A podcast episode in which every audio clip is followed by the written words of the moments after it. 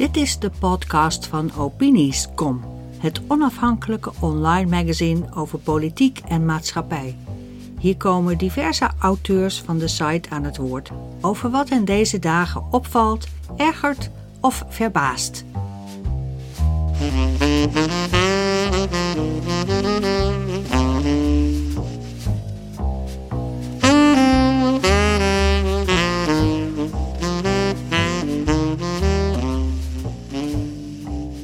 Vandaag gaan we spreken over Nederland en de EU. En dat doen we met uh, van Bergen en Rutger van der Noord. George van Bergen is een, uh, mag ik zeggen, een doorgewinterd diplomaat met Brussel-ervaring. En Rutger, Rutger van der Noord is bekend van radio en tv en van opinies. En hij is founding father van de Nexit Denk Tank. Deze twee mensen zitten bij mij in de virtuele studio. En met hen ga ik praten over de EU. Misschien is het goed om eerst even te vertellen kort wie je bent. Dan horen we je stem. Laat ik beginnen met uh. Ja, prima. Dank je, Jorien. Uh, leuk, om, uh, leuk om hier te zijn. Leuk om het gesprek met jullie te voeren. Um, nou, ik ben um, ex-Nederlands diplomaat. alweer een aantal jaren niet meer. Um, en in die functie heb ik zo in Den Haag op het ministerie van Buitenlandse Zaken als uh, op uh, Nederlandse ambassades in Europa en uh, de, de permanente vertegenwoordiging, de Nederlandse ambassade bij de Europese Unie in Brussel, ervaring opgedaan. Ik heb ook Europees recht gestudeerd, ooit al langer geleden. Eigenlijk heb ik ja, een groot deel van mijn werkend leven me bezig gehouden met de Europese Unie en Nederland in de Europese Unie. Um, en ik heb daar, zoals opinielezers weten, ook wel eens wat over geschreven. En ik heb er ook een, uh, denk ik, uitgesproken mening over. Je bent ook over de, de drempel van Brussel gestapt, zeg maar. Je bent er ook binnen geweest. Uh, ja, ja, ik heb um, een van de, de, de jaren dat ik uh, in Den Haag werkte. En dan had ik een functie. En ik, nou, ik moet een beetje abstract blijven, dat spijt me. Maar ja, ik ben natuurlijk wel gewoon gehouden aan de geheimhoudingsplicht van alle ambtenaren. dus ik kan niet heel concreet worden. Ja, ja nee, maar dat, dat, dat, weet je, begrijp dat ook wel een beetje. Maar dus, je mag er niet heel concreet over vertellen, maar ik had een functie vrij dicht op de politieke besluitvorming, op uh, nou, zeg maar uh, energie, milieu uh, en natuuronderwerpen. Dus wel de onderwerpen die erg in het nieuws zijn, met nou ja, fijn stof, met stikstof, ja. en met natuurgebieden. Dus ik ken dat allemaal van binnen. Uh, die uh, onderwerpen. En um, ik zat daardoor dus heel dicht tegen de politiek aan als ambtelijk adviseur. En ik was uh, nou ja, toch zeker één of meerdere keer per maand in Brussel, bij vergaderingen in Brussel.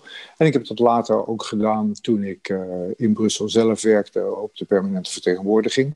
Het ging weliswaar over meer buitenlandspolitieke onderwerpen, maar ik was wel uh, elke dag in de vergaderzaal aan het onderhandelen met mijn collega's van de andere EU-lidstaten ja. om tot een gezamenlijke EU-positie te komen. Nou, duidelijk. Oké. Okay.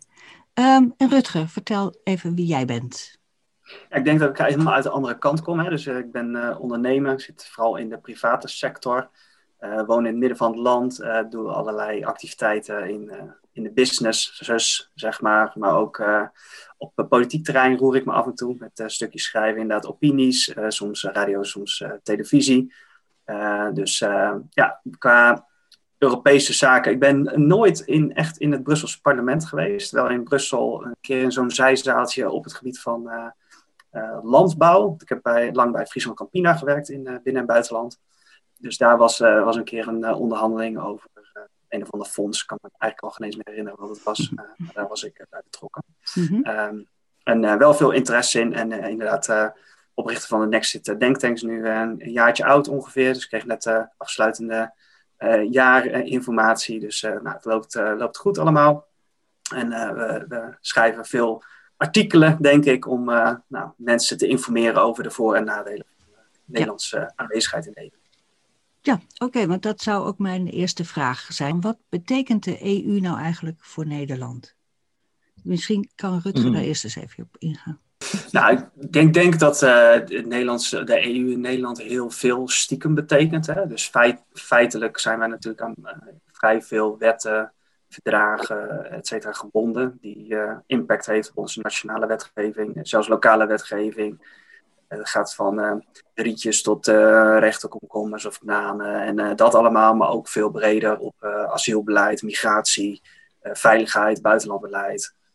dus ja, het is gewoon heel wijd verspreid, zelfs nog tot het punt van dat je, nou, volgens mij gisteren was het een debat in de Tweede Kamer over de Brexit-deal, dat we daar wel met z'n allen over konden praten, maar eigenlijk niks meer aan konden veranderen. Dus uh, de visser en de visserij-impact van een, uh, van een Brexit of van een EU-deal heeft toch veel invloed op Nederlandse vissers ook. Maar daar hebben we eigenlijk meer weinig over te zeggen.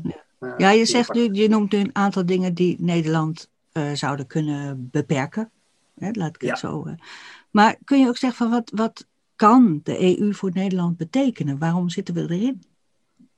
Nou, er zijn ook heel veel voordelen. Hè? Dus dat moeten we niet uitvlakken. Ook op het gebied van uh, handel. Uh, dat je gewoon simpeler met elkaar zaken kan doen uh, in de EU. Ik bedoel, we weten allemaal nog dat we vroeger, wij weten dat in ieder geval, dat je met je, met je checkboekje dan op vakantie ging en dan in de lokale currency dan dat weer liet omrekenen naar lokale flappen. En dan, dat, nou, dat is natuurlijk allemaal super onhandig. tegenwoordig doe je dat wel met een pasje, dus op zich zou het nu weer minder onhandig zijn dan die, die fase die we er tussenin hebben gehad. Maar ontegenzeggelijk is het, het doen van handel is gewoon heel handig. Ook dat je de grens over kan. Dat je met de volkeren die dicht bij ons zijn, toch een meer van culturele betrokkenheid hebt en daardoor sterker samenstaat richting bijvoorbeeld een, uh, China, is ook wel een groot voordeel, denk ik. Um, dus er zijn zeker voordelen, er zijn ook uh, grote nadelen. Um, het, natuurlijk is het waar dat het handel drijven makkelijker wordt gemaakt door de EU. Uh, ik denk dat dat belangrijk is om te benadrukken dat de EU is een beetje een algemeen begrip. We doen net alsof de EU zoals we die nu hebben, dat dat de EU is. Uh, waar je eigenlijk over moet praten is, is deze Europese Unie heel goed voor Nederland? En zou een andere Europese Unie, of laten we zeggen de EEG zoals we die hebben gehad voor het verdrag van Maastricht van 1992, niet veel beter zijn voor Nederland?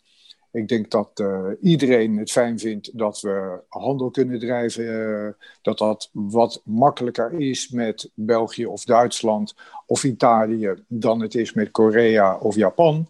Uh, dat, dat lijkt me duidelijk. Mm. Maar de vraag is, moeten we al die andere dingen die daarbij komen, moeten we die maar voor lief nemen? En is dan nog per saldo dat lidmaatschap wel zo gunstig?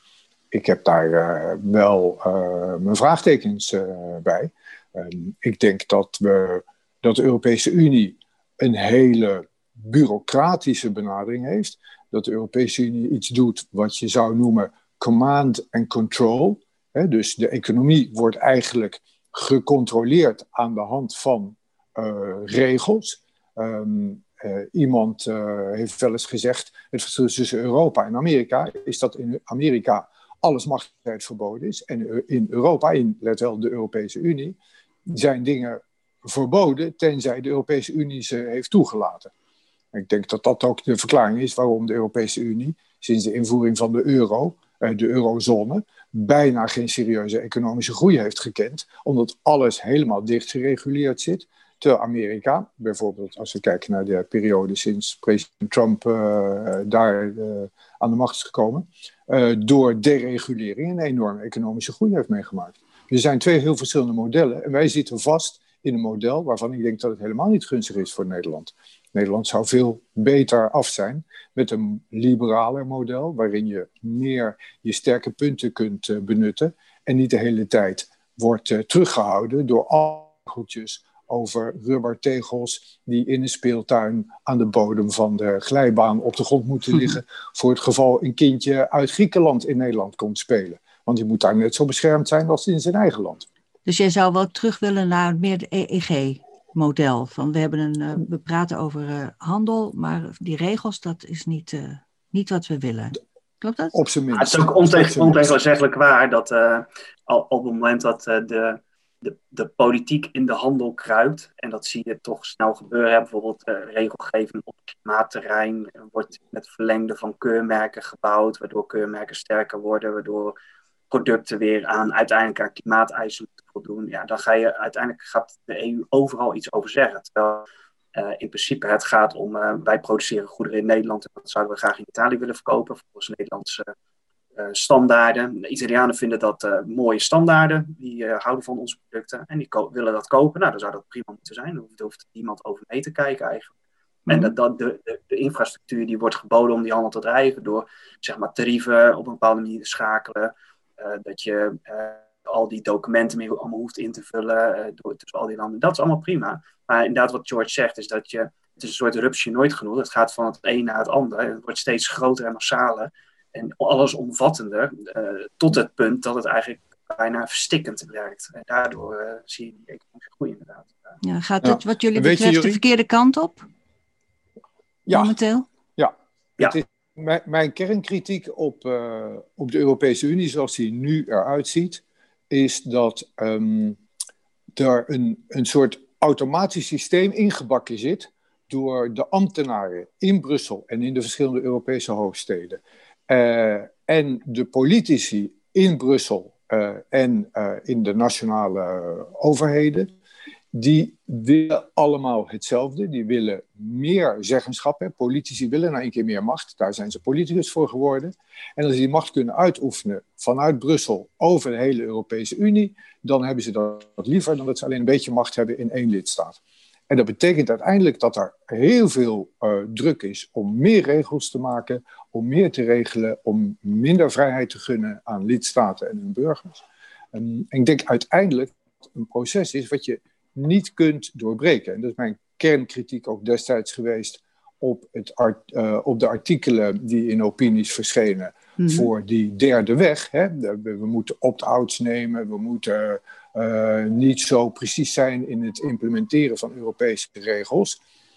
Die derde weg bestaat niet, die bestaat alleen in theorie. In de praktijk, bijvoorbeeld zien toen de toenmalige Britse premier David Cameron die zei in de verkiezingen in Engeland: Ik ga een nieuwe deal sluiten met de Europese Unie. Daarna mogen jullie op basis van die deal zeggen of je wil blijven of dat je wil vertrekken.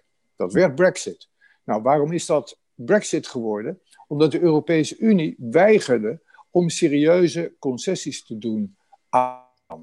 Uh, David Cameron die vroeg om bijvoorbeeld uh, het onbeperkte toegang van werknemers vanuit andere EU-lidstaten tot Groot-Brittannië om dat te beperken. Dat hebben ze geweigerd. Mhm. Dat is een van de doorslaggevende argumenten geweest waarom zoveel Britten hebben gezegd: wij zijn voor een Brexit. Datzelfde, die klacht dat er te veel uh, goedkope arbeidskracht vanuit met name Oost-Europa naar Engeland uh, ging, die klacht hebben wij Lodewijk Asscher later horen uitspreken als PvdA-leider over mhm. Nederland al die Poolse en Bulgaarse uh, gastarbeiders. Kortom, dat probleem is er. Um, en uh, je ziet dat de Europese Unie niet bereid is om een stapje terug te zetten. De Europese Unie is uh, een auto met alleen maar versnellingen in de vooruit. Er zit geen achteruit in. En als je dus als lidstaat zegt: wij willen opt-out, wij willen minder, dan krijg je nul op het request. Okay, dus hervormingen zijn niet onmogelijk, zou je kunnen zeggen. Onmogelijk.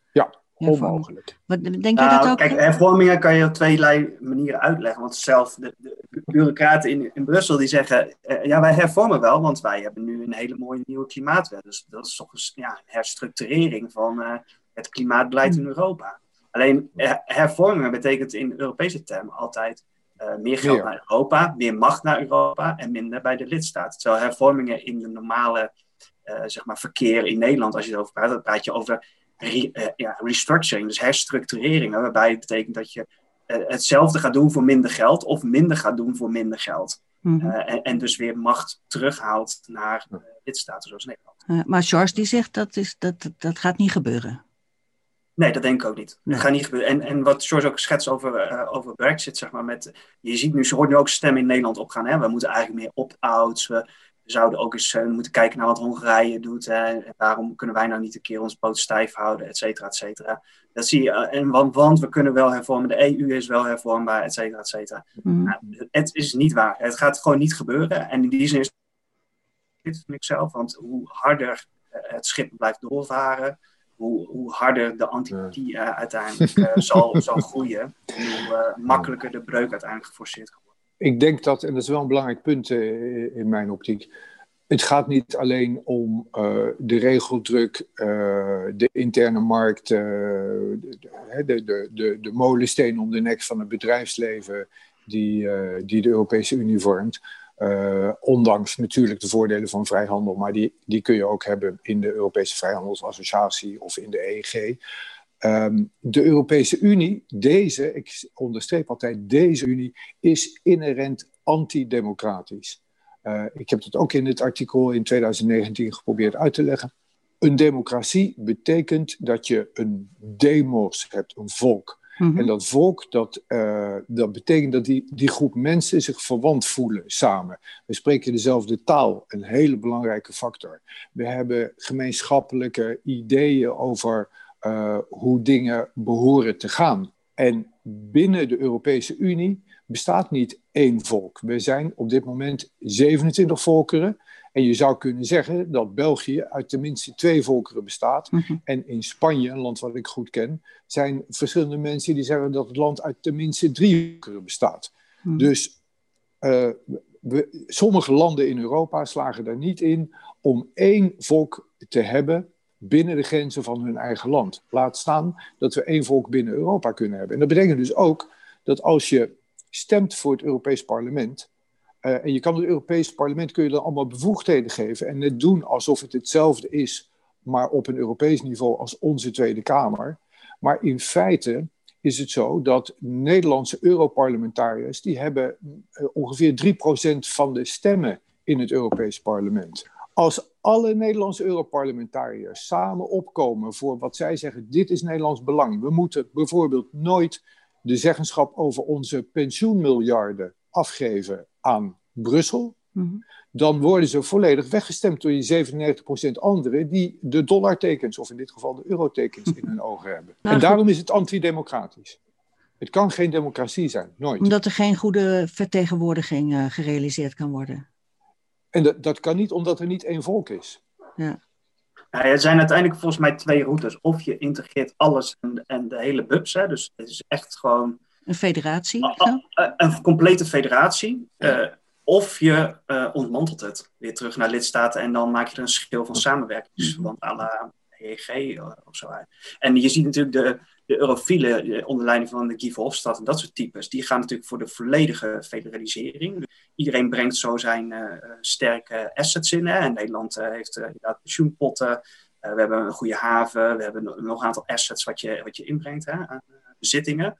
Nou, andere landen hebben weer andere dingen. En dan gaan we dat langzaam allemaal uitmiddelen over, over het grote Europa. Mm -hmm. dan, dan is dat zeg maar de route te gaan. Terwijl en dan laten we ook de, de, nationale identiteiten los. Dan zijn er geen Nederlanders meer en Fransen, maar dan zijn we allemaal Europeanen geworden. Zijn primair, zijn we primair Europeanen, ja. Kijk, in, in Nederland, de meeste Nederlanders voelen zich volgens mij het eerst verwant met uh, Nederland en daarna met hun gemeente waar ze in wonen en daarna pas met Europa, in die volgorde. Ja. En Europa is natuurlijk het liefst dat wij onszelf primair als Europeanen zien, daarna misschien zelfs lokaal en daarna... Uh, nationaal. Want nationaal is dan niks meer, hmm. eigenlijk. Hè? Want alles is weg. Dus een, een regio of een, hmm. ja, een soort provincie ben je dan. Ja, je ziet dat dus wel gebeuren, zoals met dat brexit gisteren. Hè? Dan, en zet uh, Arjan Boerstein, die plaatste net een tweet van... ja, de, het Forum bezig bij het nota-overleg uh, rondom de brexit.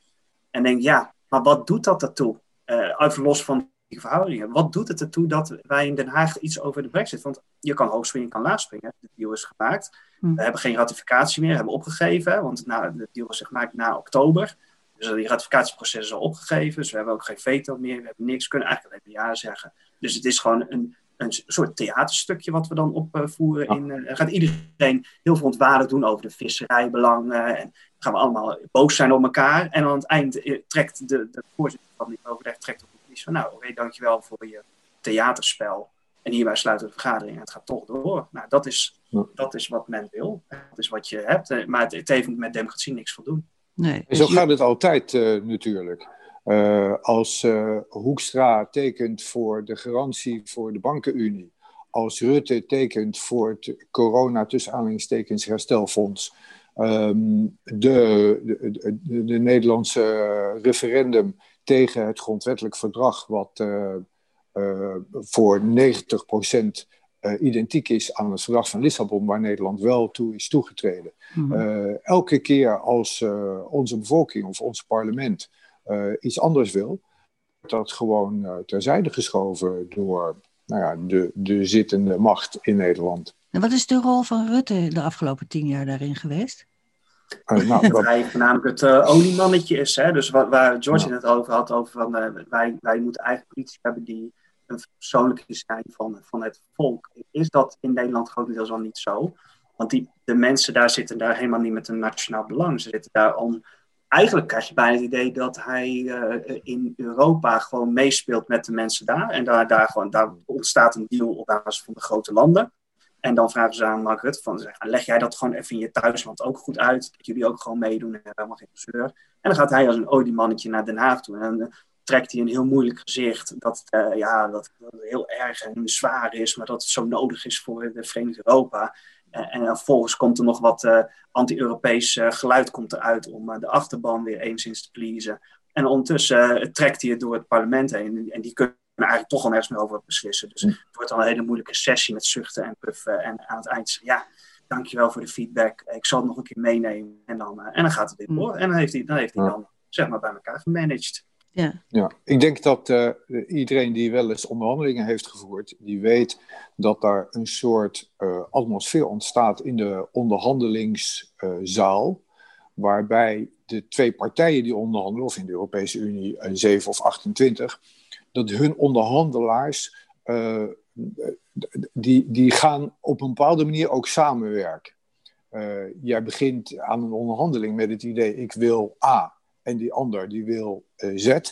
Um, en in de loop van de onderhandelingen ga je dan met die onderhandelaar van de andere kant zoeken naar of je bij J, K of L of zo uit kan komen. Mm -hmm. En um, uh, dat is denk ik te goed trouw. Ik denk dat iedereen die, die ervaring heeft.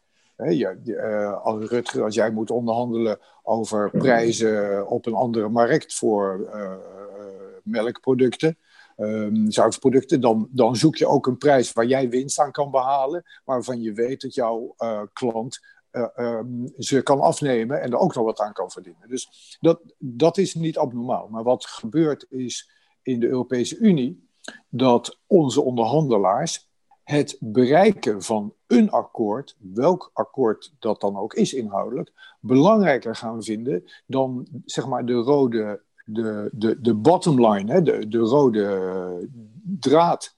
De, ik, ik, zoek naar een fatsoenlijk Nederlandse uitdrukking, uh, van, van, Nederland. Nederland moet natuurlijk uh, op een gegeven moment zeggen: dit is het minste wat wij uit onderhandelingen moeten halen. Als het minder wordt, is het voor ons onacceptabel. En in een Europese Unie, zonder Engeland, wat natuurlijk altijd onze bondgenoot is geweest, omdat ze vaak hetzelfde dachten aan heel veel dingen. En met kandidaat-lidstaten als Noord-Macedonië, moet ik tegenwoordig zeggen, en uh, Montenegro en uh, nou ja, uh, Kosovo en nog wat van die landen, Servië, kun je afvragen of we nou de goede kant op gaan als we elke keer compromissen sluiten. Hmm. Ik denk dat dat een beetje het probleem is. Je houdt niet, je houdt niet Nederlandse onderhandelaars, en Rutte zeker ook niet, heeft niet in zijn achterhoofd, als er minder wordt dan dit, dan doe ik het niet. Sterker nog, ik, ik denk dat er nog iets, uh, iets uh, fundamenteels aan de hand is. In, als we even die vergelijking doortrekken over die zuivelproducten verkopen. Um, op het moment van die corona-herstelfonds, er zit helemaal eigenlijk nul winst in voor Nederland. Dus als je die vergelijking en die metafoor doortrekt, ik zou nooit in een land gaan onderhandelen over een zuivelprijs. Als ik daar op geen enkele manier überhaupt winst aan kan halen. Dat is gewoon het is onder, onder, het, ja, onder de ondergrens van wanneer je begint aan een onderhandeling. En heel veel discussies in de EU beginnen al onder de ondergrens wat voor Nederland aantrekkelijk is. Dus, en dan vanaf dat punt ben ik het helemaal met je eens. Dat spel van onderhandeling, dat loopt natuurlijk zo. Je komt nooit op B uit als, als de ander op Z zit. Dus je komt inderdaad op J op K uit. Daar heb ik alle begrip voor. Alleen, het zou veel fundament en je zou moeten zeggen... waarom gaan wij überhaupt zo'n coronafonds doen? Wat gebeurt daar in de praktijk mee? Je ziet nu ook wat er gebeurt. Hè? Italië spendeert het aan de uh, gendergelijkheid. Aan uh, Frankrijk uh, geeft het gewoon weg aan het zorgpersoneel. Dus de facto betaalt Nederland het Franse zorgpersoneel. En ieder land maakt daar zo een soort eigen keuze Spanje heeft het geen eens nodig, want die kan elders weer goedkoper lenen volgens mij. Dus er zitten voorwaarden kloppen ook helemaal geen hout van. Dus we hebben met z'n allen hebben we eigenlijk gewoon een hele hoop geld op een hoop gesmeten.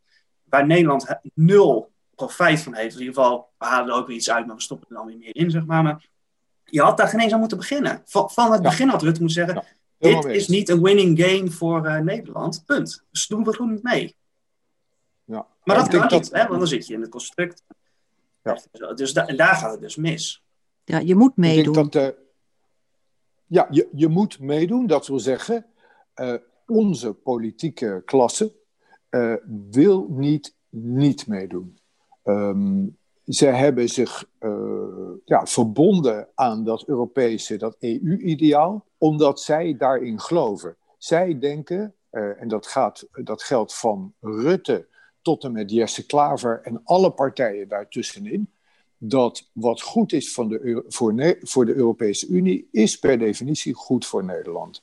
En dan zie je dus dat er besluiten worden genomen in Brussel, die uh, slecht zijn voor Nederland, maar waarvan gezegd wordt, ja, maar uh, het voordeel voor Nederland is dat we uh, als serieuze lidstaat worden gezien, dat we meepraten, dat de Europese Unie, daar gaat het toch goed mee. Uh, nou, en, en dat, dat blijft natuurlijk een bizarre, een bizarre positie. Als je zegt, ik kan niet het concrete eigenbelang van Nederland, het belang van Nederland, kan ik niet aanwijzen.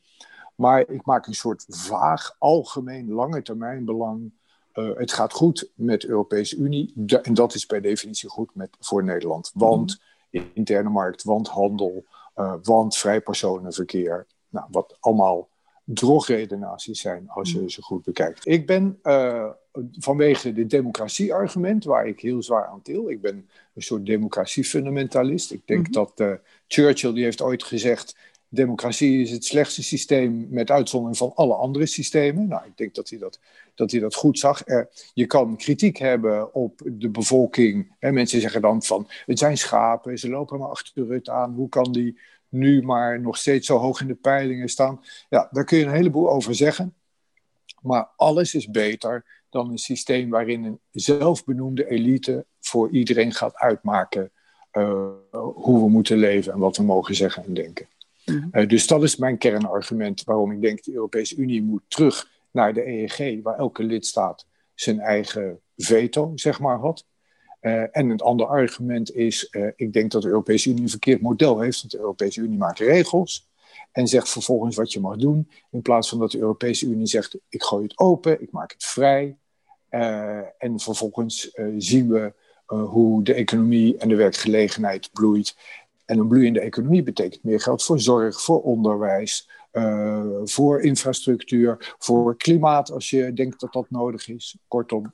Daar ben ik het zeker mee eens. Ik denk ook dat, uh, misschien toevoegend daar nog aan is, dat uh, de EU ook best wel verschillende snelheden op bepaalde manier kan hebben. Dus is gewoon een verschil tussen bepaalde landen die uh, beter ontwikkelen, snel ontwikkelen. En wat je soms wel het gevoel krijgt is dat alle, kruiwagen, alle, alle kekens moeten in de kruiwagen blijven en iedereen moet, er moet een eenheidsworst ontstaan voordat we een stap zetten. Terwijl je volgens mij ook best wel met een aantal landen al dingen kan doen. Hè. Uiteindelijk de hele gedachte dat, uh, dat het alleen maar werkt als iedereen het ermee eens is, is in principe uh, kan je zeer betwijfelen dat zo is. Dus ik zou, zou veel meer daar zoeken naar bilaterale win-wins binnen een eventuele EU.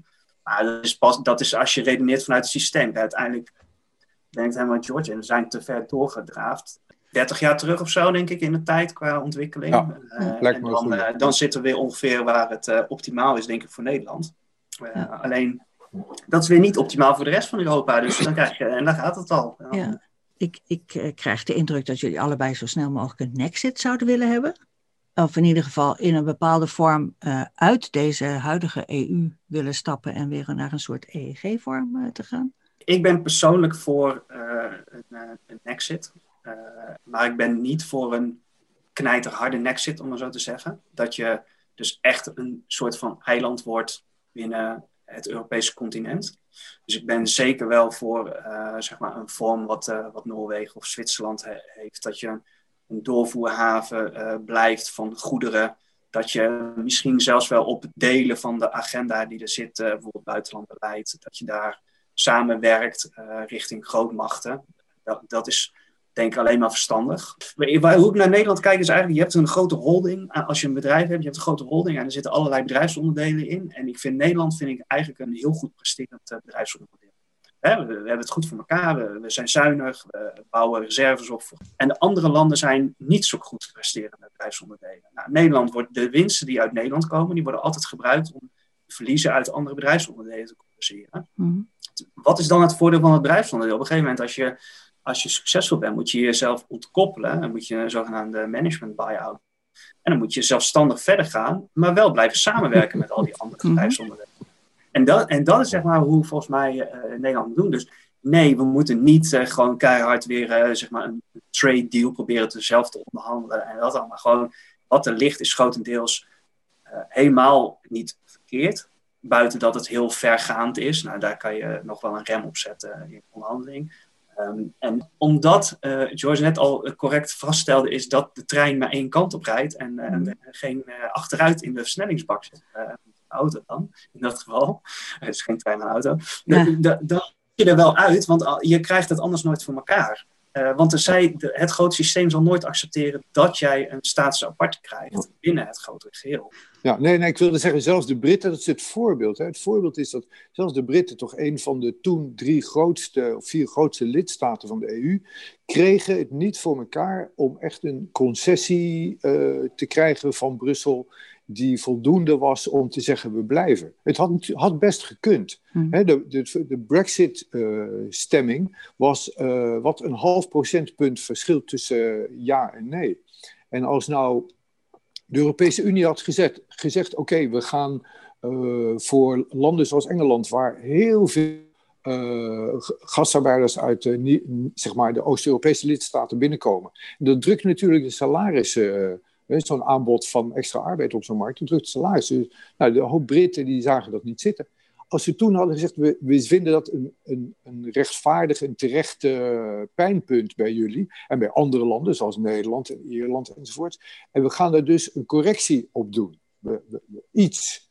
Uh, dan had het anders kunnen uitpakken. Maar het is mhm. aangetoond, en dat vind ik altijd zo belangrijk, je moet beleid moet je maken op basis van bewezen uh, feiten, niet op theoretische veronderstellingen. Het is aangetoond dat de Europese Unie, ook wanneer er dreigement is dat een grote lidstaat vertrekt, niet in staat en bereid om een concessie te doen. Ze willen uh, alleen maar vooruit. En sindsdien hebben we natuurlijk nog verschrikkelijke dingen gezien. Met, met het coronafonds en de begroting enzovoort. Ja, het gaat maar door. het gaat maar door, het gaat maar door. Ja. het, feit, het feit dat als Engeland uit de EU stapt, dat de begroting dan niet significant daalt. Hè? Even gelijk met, met, het stijgt. Dus er gaat een, een funder, eh, iemand die geld geeft aan de EU, verdwijnt.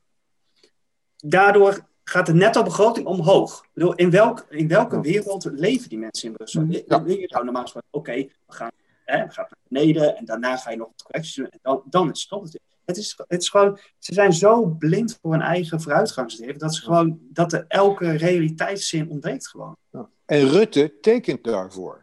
Dat moet, ik weet niet of mensen, ik, ik wil hopen dat opinies, lezers en mensen die deze podcast luisteren, uh, dat wel weten. Maar die enorme hoeveelheid uh, potentiële stemmers die volgens de peilingen op Rutte gaan stemmen, ik vraag me af of die mensen weten dat, uh, de, of ze dit weten, dat Rutte daar gewoon mee akkoord is gegaan. Ik vind het onbegrijpelijk. Ik vind het onbegrijpelijk. Het gaat ook in tegen de normale zuinigheid en, en verstandige, rationele manier waarop Nederlandse ministers van Financiën en Nederlandse regeringen van links tot rechts, uh, eigenlijk sinds, uh, nou, zeg maar, Joop den Uyl en het kabinet van Acht, waar veel geld werd uitgegeven. Maar sindsdien, dus dat is dan toch al gauw 40 jaar, uh, zijn wij in Nederland, gaan we in Nederland verstandig om met, uh, met publiek geld, met belastingbetalersgeld. En Rutte heeft dat nu gewoon uh, helemaal verlaten. Hm. Rutte is een Europeaan. Absoluut. Ja. Rutte? Nou, nou, je ziet, je, wat, wat je wel mooi zag bij de vorige verkiezingen in 2017, toen heb ik een vergelijking gemaakt van het verkiezingsprogramma van de VVD met, met dat jaar, met die periode voor, dat was 2012 volgens mij de verkiezingen. Ja, 2012. En toen zag je gewoon dat actief op de Europese paragraaf, omdat Rutte bij die vorige, dus in 2012, was hij nog maar net premier, en begon die eigenlijk een soort van net. Toen was hij nog heel erg op het Nederlands belang. Hè? En dus die paragraaf ademde van Nederland is soeverein, wij moeten nationale belangen in Europa, bla bla bla. bla. Dat is vandaar. In 2017 maakte hij al gewoon echt die draai naar van nou, we moeten samenwerken, Nederland is belangrijk in Europa. Europese belangen zijn ook belangrijk. Hè? En dat draait al. En nu is die paragraaf is volledig omgedraaid. Hè, van de belangrijke de Europese gedachte, et cetera. Dus in, zeg maar, in die tien jaar Rutte is hij eigenlijk van een soort nationale politicus, die ook af en toe in Brussel liep, een soort van speelt met de, met de rug naar Brussel toe en hij legt uit in Nederland. Hij, hij legt de Europese belangen uit in plaats dat hij de Nederlandse belangen uitlegt in Brussel. Ja. In de buitenlandse dienst noemen ze dat going native. dan dan word je dus een, een, uh, een ouderwets wordt een inboorling. Ja. ja. En dan ben je dus als ambassadeur ben je dus aan je eigen regering aan het uitleggen wat de belangen zijn van het land waar je geplaatst bent. In plaats van dat je in dat land de belangen van je eigen land verdedigt. En dat is wat Rutte doet. Rutte has gone native. Misschien kunnen we in het vervolg nog eens een keer terugkomen op dit uh, onderwerp. zeker. Ja, zeker. Graag. Hartelijk bedankt allebei. Bedankt uh, Rutger, bedankt uh, George. En een prettige jaarwisseling. Jij bedankt insgelijks. voor alle luisteraars ook. Dat het volgend jaar maar een beter mogen worden. Zo is het. Sluit me okay. bij aan. Goed zo. Bye bye. Dag. Dag. Dit was de podcast van Opiniescom. Opinies met een Z. Voor de nieuwste bijdragen en columns over politiek en maatschappij in binnen- en buitenland. Het is helemaal gratis